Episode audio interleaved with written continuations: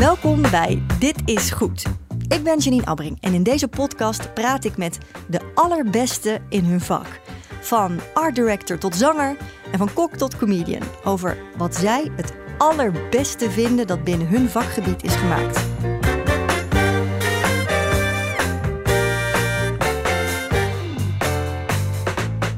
Mijn gast deze aflevering is grafisch topdesigner Thomas Widdershoven. Ontwerper van de logo's en huisstellen van de VPRO, Museum Boymans van Beuningen en de SP.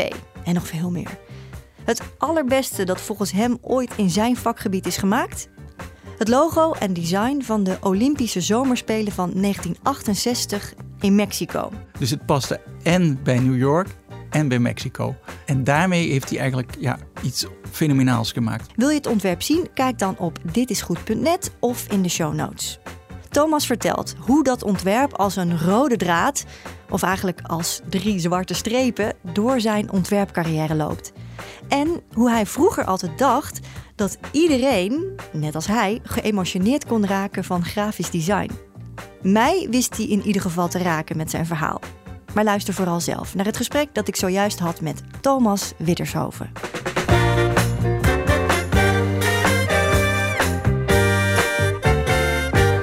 Wat fijn dat je er bent. Ehm, we gaan zo meteen uitgebreid bespreken wat jouw keuze is voor ja, het allerbeste uit jouw vak. Maar eerst even kort over jouzelf. Je studeerde filosofie, volgde daarna een grafisch designopleiding aan de Rietveld Academie. In 1993 richtte je grafisch ontwerpbureau Tonic op, samen met je vrouw Nicky Gonnissen. En met Tonic bedacht je bekende huisstijlen zoals die van de VPRO, het Museum Boymans van Beuningen, gemeente Amsterdam, heel bekend met de drie rode kruisen en de SP.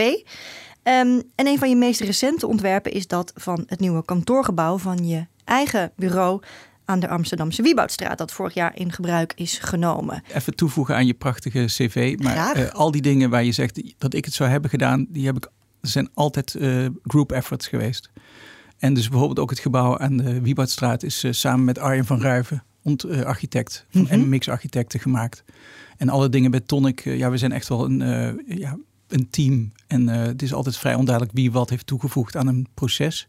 Uh, dus ik, ja, ik, zit hier wel namens een grote groep mensen. We gaan het hebben over jouw keuze. Het ontwerp voor de Olympische Zomerspelen van 1968. En het onhandige is dat dit natuurlijk alleen audio is en geen beeld.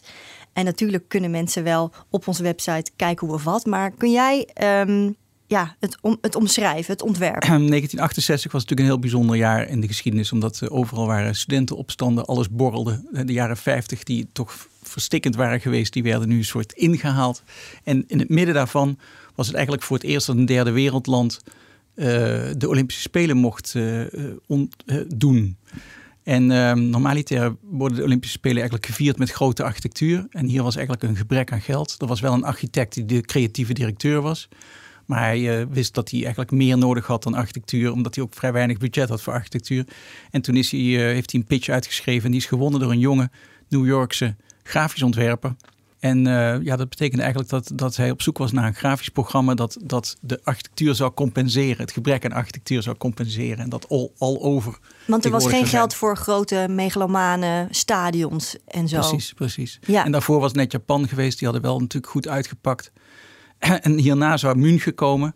Dus daar kon je ook wel verwachten dat daar meer geld en meer budget was. Dus hier moest grafisch ontwerpen eigenlijk uit armoe. Uh, kreeg nou eens een keer uh, center, center stage. En mocht echt uitpakken. En, ja. Maar de, de, tijd was verschrikkelijk kort. Uh, waarin die pitch werd uitgerold. En ehm, Lance Wyman, de, de, de architect, of de, de, de grafisch ontwerper, had een one-way ticket van New York naar Mexico. Want meer kon hij niet betalen. En uh, ze zaten daar samen, hij zat samen met een collega te werken en uh, ze kwamen er niet helemaal uit. En uiteindelijk keken ze nog eens een keer naar dat logo van de Olympische Spelen. Een logo uit 1914 van een Franse uh, ontwerper. Dat iedereen Die vijf ringen, ja, een schitterend logo. Ja, vind Maar- je het mooi? Ja, ik vind het wel een heel goed eh, logo. Ik vind het heel, wat er heel mooi in is, is dat het gebieden zijn die met elkaar verbonden zijn. Ehm, en ja, de- het verhaal gaat dat het de vijf werelddelen zijn die op die manier verbonden zijn. Dus dat is een mooi getal vijf. Eh, de kleuren komen niet zozeer van die, eh, van die eh, werelddelen, maar is is eigenlijk de, de, de common denominator van alle vlaggen ter wereld. Dus als je als je alle overeenkomstige vlaggen, eh, zeg maar het minimaal aantal kleuren dat je nodig hebt om in Om ieder geval één kleur uit iedere vlag te hebben. Ja. Dan kom je uit op zwart, eh, geel, rood, groen en blauw. ja, maar dat is inderdaad het Olympisch logo dat iedereen kent. Ja, en, het is daar, ontzettend moeilijk te incorporeren in al die ontwerpen. want daar moest dus die Lance Wyman moest daar iets mee. Die moest daar iets mee. En eh, normaal probeer je dat zelf, heb je een beeld en daarna ehm, plak je dan dat moedertje eronder. Ehm, maar in dit geval, omdat de tijd ook alsmaar korter werd, keek hij alsmaar langer naar die vijf cirkels. En toen zag hij in die cirkels zag hij die zes en die acht, omdat hij natuurlijk ook al met een beetje goede wil, zitten daar ook cirkels in. Dus in de zes eentje en in de acht twee. En zo zag hij eigenlijk een, eh, een verband tussen eh, 1968 en de vijf ringen van, van het logo van de Olympische Spelen. Ja, en dat omdat was inderdaad, Eureka. omdat een 6, daar zit een cirkel in, een 8 zijn twee cirkels. En Ja. op die manier zag hij het jaartal Ja. terug. ja, en toen dacht hij, oh, dan moet ik eigenlijk die, eh, dan moet ik die 8 en die 6, die moet ik dan heel erg eh, ehm, geometrisch op, oplossen. Want wilde dat cirkels zijn. Normaal in lettertypes eigenlijk is er nooit een zuivere cirkel. Maar voor onze ogen is het veel prettiger als er een klein dik-dun verschil zit en een kleine afwijking in die cirkels. En die komen allemaal oorspronkelijk uit, uit het handschrift. Dus, eh, dus je, je pols probeert een cirkel te maken. En eh, voor een O, en dat doet hij niet. En dan komen dat dus kleine dik-dunne eh, in, de, in de lijnvoering en ook in de restvorm, in het wit. Ja, wat je bij calligrafie eigenlijk ziet in overdreven vorm. Ja, dat zit dan- overal in. Ja, precies. En dat zit zelfs in, in hele industriële letters, eh, zoals de Helvetica, zitten toch dik-dun eh, verschijnselen. Ehm, omdat het gewoon prettiger aandoet voor ons. Geometrie is, is eh, ja, om echt te lezen, langere teksten is heel erg vermoeiend. Wat grappig, dus je werkt als grafisch vormgever nooit met een, met een zuivere O. Nou, voor zo'n logo kan dat wel. Maar als je er een hele tekst in wil lezen, dan, eh, dan heb je wel een dingetje. Heb Ja. je wel een dingetje. Dus er is een soort ja, traditie tussen geconstrueerde letters voor klein, voor koppen, zeg maar. En een meer kalligrafische aanpassing daarvan voor langere lopende teksten. Ja, laten we eerst even, voordat we nog even verder ingaan op het proces, hè, wat, wat Wyman doormaakte en de keuzes die hij maakte. eh, eh, laten we het even omschrijven. Hoe ziet het eruit, het eindresultaat? En dan weer even terugpakken naar hoe hij daartoe kwam. Nou, dus hij begon echt met een logo. Hij zag die vijf cirkels. Hij zag er opeens de, de, in die cirkels de binnenvorm van de zes en de acht in. En hij dacht, als ik nu die, die zes dan vervolgens ook nog eens een beetje als een boogje teken. Eh, zodat het ook weer een beetje cirkelachtig is. Dan, eh, dan is het eigenlijk één ritme van cirkels. Dus dan heb ik twee cirkels in de acht. Ik heb één cirkel in de zes. En... ehm, en dan kan ik naar boven toe, kan ik dat doorzetten. En ja, toen heeft hij dus in dat spel, heeft hij op de een of andere manier, en dat, dat is het unieke aan dit hele ding. Ehm, hij heeft zich gerealiseerd dat als hij dan drie lijnen pakt in plaats van één, dat het dan met elkaar in balans was. Dat hij dan de, de vijf cirkels in hun eigen dikte, die vrij dun is. De, de Olympische Spelen hebben vrij dunne cirkels. Als je daar nog een cirkel binnen en buiten aan toevoegt, dan heb je genoeg body om die zes en die acht te tekenen. Dus de 6 en de 8 zijn getekend in dikke, in dit geval zwarte, drie dikke zwarte lijnen. Precies, precies. En dat was een soort ja, vondst, waardoor je een heel mooi grafisch beeld krijgt, wat heel rijk is. Eigenlijk veel te rijk voor gewoon een logo. Logo's zijn over het algemeen veel, veel simpeler dan wat je hier ziet. En eh, in die zin is het echt wel, wel experimenteel ook. Maar het ging nog één stap verder toen hij zich opeens realiseerde dat je daarmee met een drielijn ook een heel lettertype kunt maken. En dan kun je dus Mexico in een drielijn zetten en dan eindigt het in 68 en daar zit dan die vijf cirkels in. En dan heb je opeens een lettertype met drie lijnen wat heel herkenbaar is. Maar toen ging het nog een stap verder, want ergens ook door alles wat hij gezien had, hij had heel veel rondgelopen in Mexico, had heel veel van die cultuur opgesnoven. Maar hij kwam natuurlijk uit New York. En in New York 1968, eh, psychedelica, drugs, op art. Ehm, ja, daar konden ze wel wat met patronen. En het, is natuurlijk, of het was een kleine stap, het lijkt een hele kleine stap. Maar je, je kunt je niet voorstellen hoe een jonge ontwerper in Mexico, in een pitch, eh, langzaam dit ziet groeien vanuit een heel eenvoudig logootje. Ja, hoe jong is jong? Nou, eh, in de 20, 24, Mhm. 25, toen, ja, Jong. echt jong. Echt jong. Hij was net getrouwd, zijn vrouw was mee. En, eh, en, die, en zijn collega was mee. En eh, Allemaal een one-way ticket. one-way tickets. Ja. Ja, Ja, dus hij liep daar en hij herkende... Hij absorbeerde de cultuur en hij zag op de een of andere manier een soort overlap tussen ehm, eh, oude Mexicaanse traditionele eh, cultuur met, met eh, zoals je dat kent eigenlijk van die een beetje kwaaiige ehm, goden, die over Ja. het algemeen een beetje kwaaiig je aankijken. Wij associëren dat ook altijd meteen met mensenoffers. Maar wat mooi is aan die oude kunst, is dat de, de, de restvormen om de figuur heen altijd met lijnen zijn opgevuld. Er is een soort horror vacui noemen we dat. Een soort angst voor de leegte in het papier. Dus alles wordt, in, of in het steen of in het relief, whatever de, de uitdrukkingsvorm is. Maar eigenlijk alles om, om, om een figuur wordt opgevuld met tekens en lijnen. En die lijnen. En waar zou je dat soort tekeningen zien in Mexico? Kun je daar een voorbeeld van geven? Is dat, want Nou, het ja, we zijn daar eh, een paar jaar geleden geweest, maar je ziet het echt overal. Dus je gaat die oude piramide op. Er zijn natuurlijk die grote ehm m- maisculturen. Mhm. Die hebben geleid tot eh, zeg maar een soort monoculturen rondom mais hebben geleid tot grote stedelijke eh, culturen. Tot aan dat de westerse mens daar kwam en ze eigenlijk verwoestte. Eh, dus tot de 15e, 16e eeuw en, en duizenden jaren daarvoor.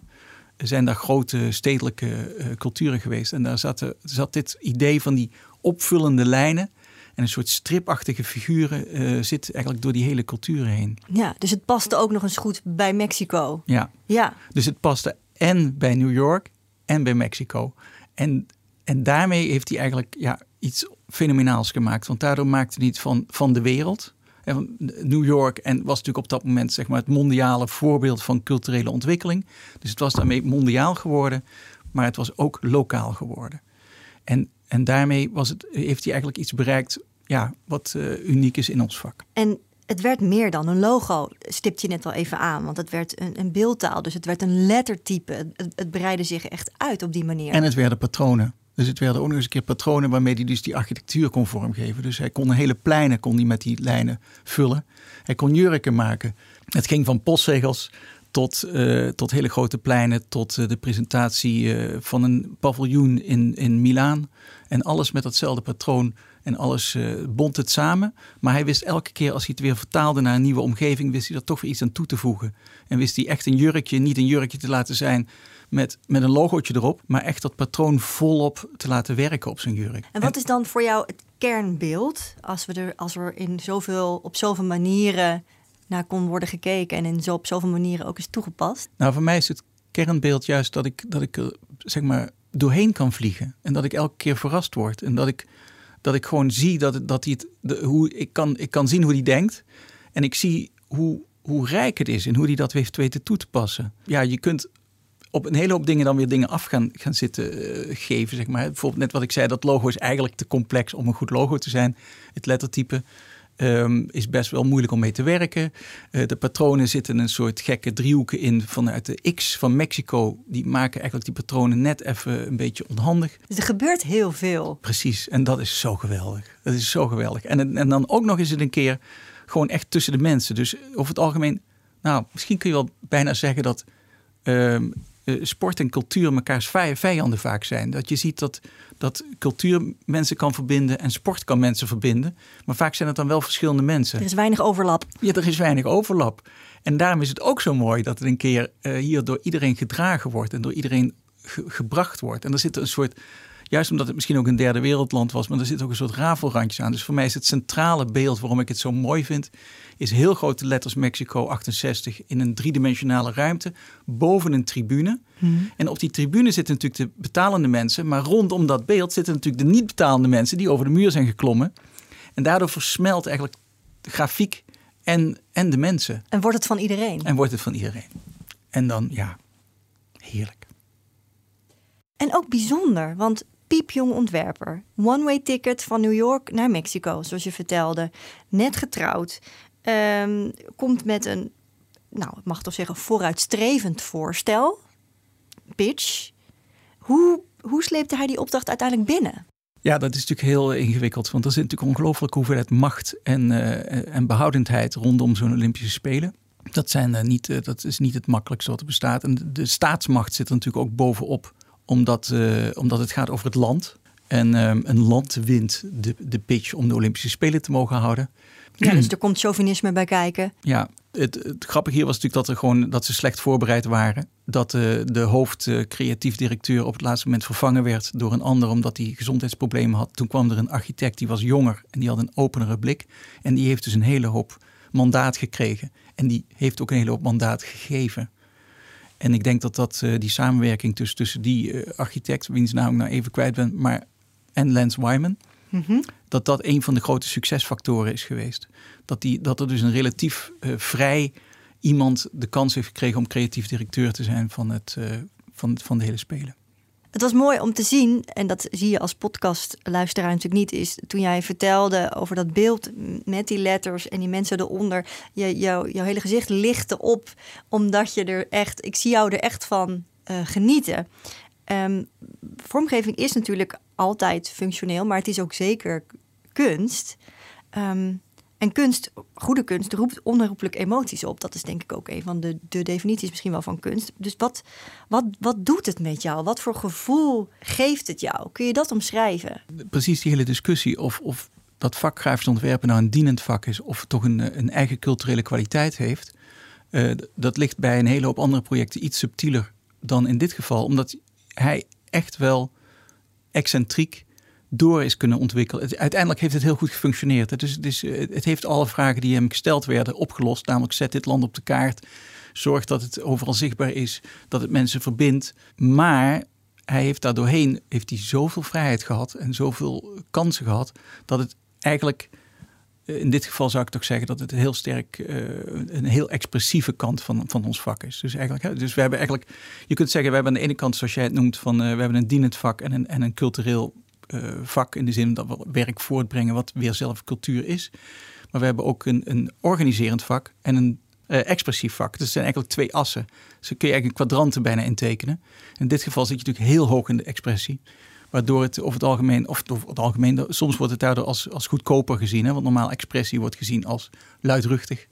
En luidruchtig wordt dan weer gezien als niet al te chic. Schreeuwerig. Ja, maar in dit geval uh, ja, is het in ieder geval heel erg gelukt om, uh, om dat ja, om dat perfect te organiseren. Laat ik mijn vorige vraag anders formuleren. Kun jij geëmotioneerd raken door grafisch ontwerp? Ja, natuurlijk. Ja, want anders was ik misschien ook wel geen grafisch ontwerper geworden. Ja, ja. ja het heeft wel lang geduurd voordat ik wist dat dit uh, mijn, mijn roeping was. Want ik heb inderdaad nog wel een reis afgelegd uh, voordat ik hier terecht kwam in, in grafisch ontwerpen. Maar ja, het, het is. Ik wist eigenlijk niet dat, niet dat, Ik dacht altijd dat iedereen geraakt werd door grafisch ontwerp. Dus ik had ook helemaal niet bijzonder de gedachte dat dat. Dat het bijzonder was. Ja, dat ik daar iets mee moest. uh, dus uh, ik dacht dat ja, dat vindt iedereen natuurlijk. En, uh, maar wanneer kwam je tot dat besef dan? Nou, ik, ja, ik had vrij lang uh, filosofie gestudeerd. En toen uh, was een beetje in de tijd dat, uh, dat mensen die van de universiteit kwamen over het algemeen werkeloos werden. Dus ja, een vriend zei, nou ja, als je een ander plan hebt daarna, doe dat dan maar. Toen zei ik, nou ja, ik zou nog best ook wel naar de Rietveld willen. Vind ik ook leuk. Dus dat was eigenlijk plan B? Ja, plan B. Dus ik netjes filosofie afgemaakt. Toen nog eens een keer naar de Rietveld. En toen deed ik vrije kunst. Um, want dat leek me gewoon, ja, daar ga, daarvoor ga je naar de Rietveld. En maar pas gaandeweg ontdekte ik dat ik die vrijheid, uh, ja, dat, dat die me eigenlijk best wel dwars zat. Dat ik als ik alles uit mezelf moest halen, en daar zat ook echt niemand op te wachten, dat dat me eigenlijk een beetje blokkeerde. Dus uh, halverwege ben ik geswitcht naar grafisch ontwerpen. En dat, ja, dat had niet zozeer de reden omdat ik zo verliefd ben en geraakt word door grafisch ontwerpen. Want ik dacht dat dat mij niet bijzonder maakte. Maar meer dat ik, dat ik merkte dat daar eigenlijk een hele hoop behoefte was aan, aan mensen. En, en, en dat ik het zelf leuk vond. En dat, een, dat, een, dat die kadrering jou dus heel goed paste. Ja. Ja. Zo is het. um, ja, ik had iets te grote gebieden uitgekozen in mijn leven om, uh, om me in te bewegen. en uh, het was heel fijn om eens een keer een klein gebied te hebben. En daar ook een soort. Uh, ja, ik noem dat ook vaker wel dat je een soort echo krijgt van je eigen energie. Dat in, in zo'n groot gebied als vrije kunst zend je maar uit. En je hoort nooit eens een keer de echo van je, van je, van je eigen zending. En in een klein gebied zijn, is het beperkter, dus hoor je sneller de echo van wat je nou eigenlijk uh, doet. Dus je krijgt sneller een, resonantie of een respons. Uh, en, dat maakt het natuurlijk heel aantrekkelijk om in een wat kleiner gebied te opereren. Ja. Even terug naar het ontwerp hè, waar we het over hebben. Want er is nog een, heel, een, een ander verhaal dat onlosmakelijk met het design is verbonden. Namelijk dat van de studentenprotesten in Mexico in 1968. Een vreedzaam protest in oktober van dat jaar, dat liep uit de hand.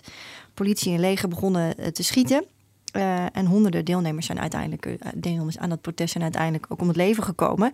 Um, hoewel de Mexicaanse regering dat geloof ik weer betwist. Nou goed, laten we niet op dat soort details ingaan. Maar het IOC die besloot wel om, om gewoon door te gaan uiteindelijk met die, met die spelen. En ondertussen werd het logo door die protesterende studenten ook gebruikt. Op welke manier? Nou ja, en daar zat onder andere ook een vredesduif bij. En daar werd natuurlijk, uh, ja, oh, dat was trouwens wel mooi, want de winkeliers waren eigenlijk gevraagd om juist die vredesduif overal op te hangen. Het was eigenlijk een soort cultureel, het was eigenlijk het symbool van het culturele programma van de Olympische Spelen. Uh, en de winkeliers was gevraagd om die duif dan uh, overal in hun winkels te hangen. En daar kwamen de, de protesterende mensen achteraan met een klein spuitbusje met één rood klein spuitje rood erin. Om te laten zien dat die, dat die duif aan het bloeden was. En het was een heel mooi toegepast en heel, heel, ja, heel sterk symbool. Waarvan eigenlijk een relatief minder sterk ding, deel van, van het hele grafische programma, namelijk die, die duif uh, in de stijl van Matisse ook nog. Ach, ja. Um, ja het was een beetje een kunstzinnig moedje en dat werd nou ja, ja, prachtig. Lens ziet het niet zo natuurlijk. ik, ik moet niet voor hem, maar, mm maar ja, als toeschouwer, ik, dat deel zou ik nooit zo enthousiast over zijn als ik over het rest ben. En, maar juist door die toevoeging van dat toefje rood, uh, werd het eigenlijk een heel krachtig symbool voor alles wat er gebeurd was. En, en in die zin werd het uh, geappropriëerd. Ja. Een vrijheidssymbool. Ja, ja prachtig. Ja. Um, en, en Warman heeft daar ook wel mee geworsteld. Hè? Ja. Uh, bedoel, de, de, de, regering van Mexico was mede opdrachtgever. Het ging uiteindelijk niet zachtzinnig aan toe. Ja. Vind je dan dat je als ontwerper, als je dan toch zo'n opdrachtgever hebt, dat je dan ook het, het regime legitimeert? Hoe kijk jij daar tegenaan? Ja, deels uh, legitimeer je absoluut het regime. Toch denk ik ook dat je deels door culturele uitwisseling uh, ook een openheid brengt in een, in een uh, dictatoriaal systeem. Het is een heel moeilijke scheidslijn. je ziet het bijvoorbeeld ook bij Rem Koolhaas, die voor CCTV, het Chinese staats-TV, nou dan, dan heb je het echt over de kern van, van de Chinese macht. Van Big Brother, ja. Ja, daar werd hij gevraagd om een, om een gebouw voor te maken. Heeft hij ook niet nee tegen gezegd. Maar wat vind je daar dan van? Nou, om met Lance Wyman te spreken, dat zijn dilemma's. Ja, het is gewoon heel moeilijk. Want aan de ene kant, wanneer doe je de deur dicht? En wanneer, laat je, wanneer doe je hem open? Begrijp je? Het is heel moeilijk het moment te bepalen waarop, je, waarop het meer indruk maakt of effect zal hebben om een deur dicht te gooien dan om hem open te houden. Dus de, de verbinding die Lance probeerde aan te brengen tussen westerse en lokale cultuur. En daarmee ook die lokale cultuur weer een nieuwe stem te geven. Dat, dat is ook iets. Hij werkt ook samen met lokale kunstenaars om, en, en probeerde hun kleurenpalet weer te introduceren binnen de, binnen, binnen de hele, het hele programma. En maar het zijn dilemma's. Je komt er niet helemaal uit. Maar het is... Ja, want als we blijven bij die metafoor die jij gebruikt... met die deur dicht, open... staat die bij jou altijd op een kier voor iedereen?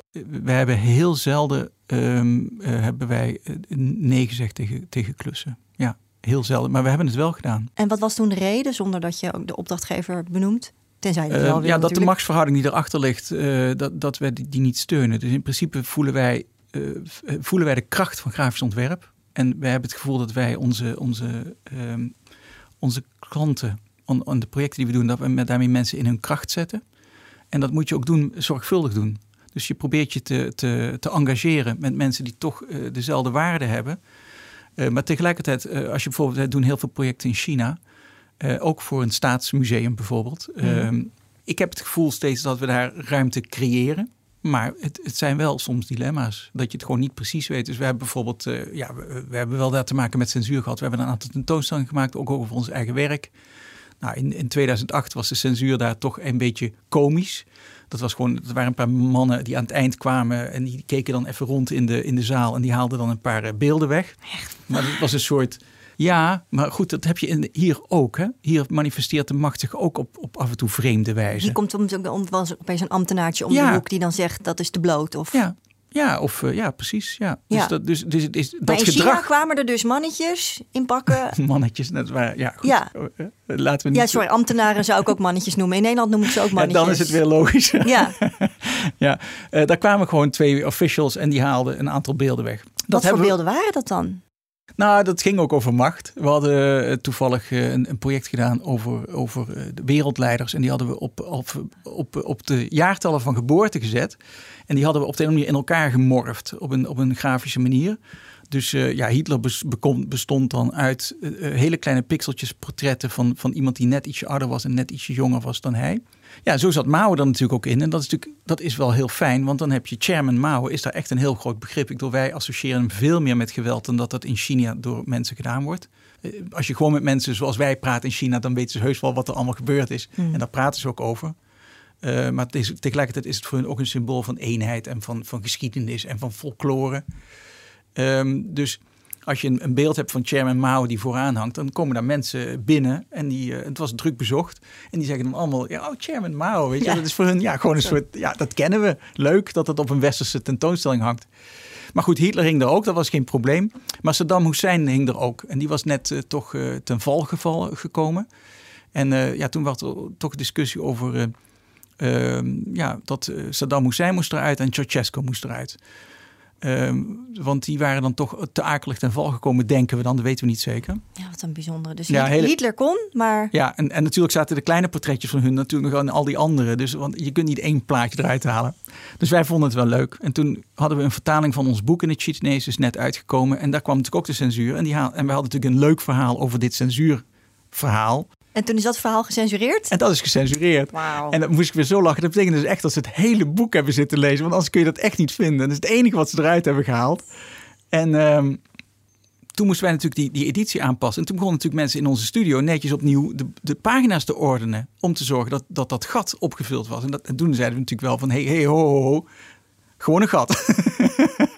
Laten zien dat er Gewoon een gat. Niet, ja. Uh, dat, dat, ja, dan kun je wel zeggen, god, is dat nou een daad van verzet? Nee, maar het is wel zorgen dat de geschiedenis in ieder geval herleidbaar is tot wat er gebeurd is. En ik, voel niet, ik was niet moedig of wat dan ook, maar gewoon dan zie je wat er gebeurd ja. is. Dus we hebben een grap over, over, over, over die censuur die toen helemaal niet venijnig was. En die best wel vergelijkbaar is met hoe sowieso mensen in uniforms in alle werelddelen zich gedragen. Of dat nou in dictatuur of in democratie is.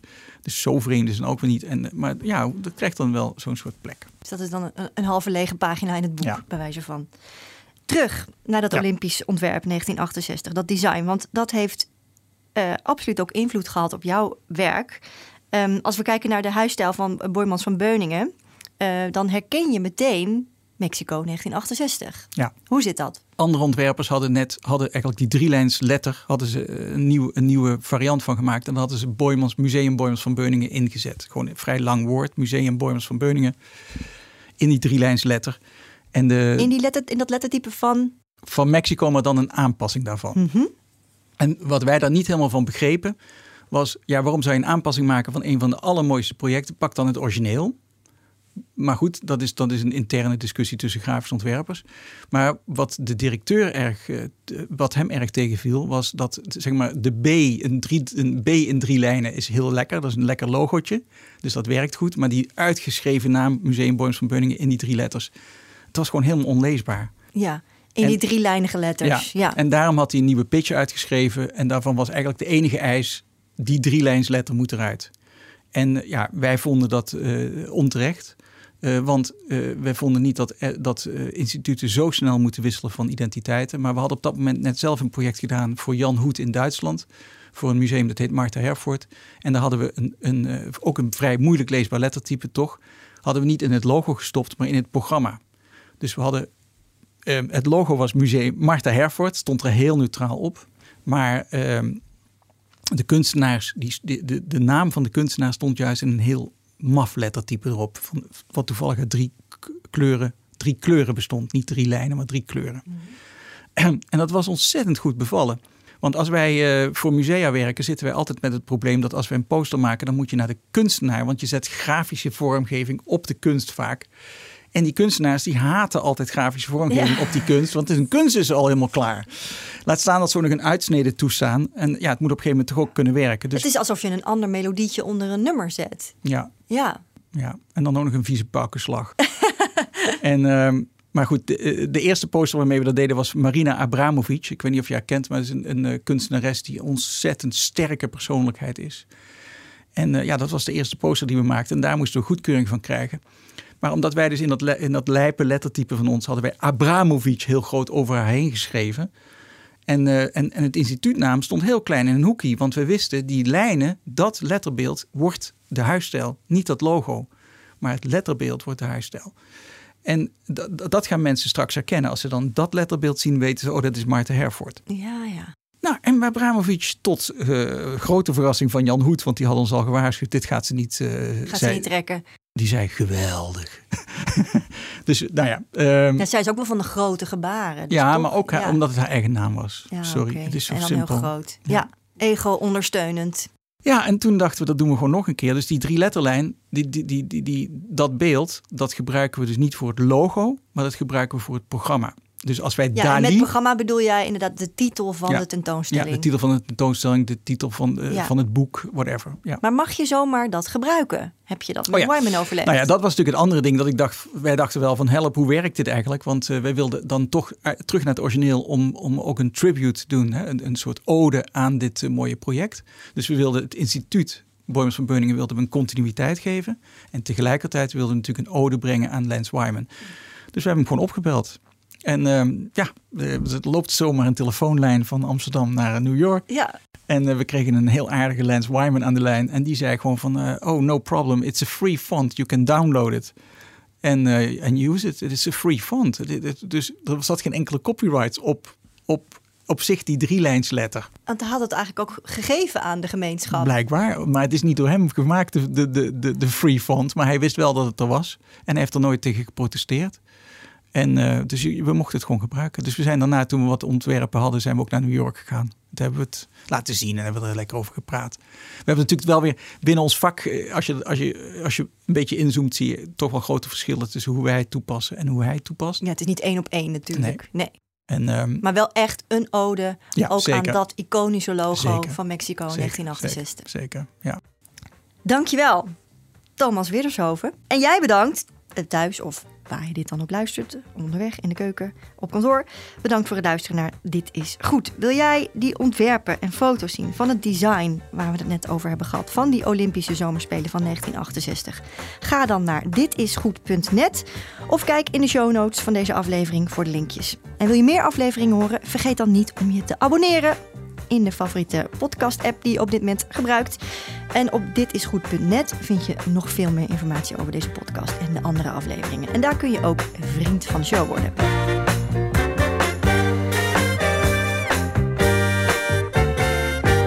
Dit is Goed is een podcast van Byline. Concept, productie en redactie Anton van Elburg en Remco Thomussen. En wil je meer zien? Ga dan naar ditisgoed.net.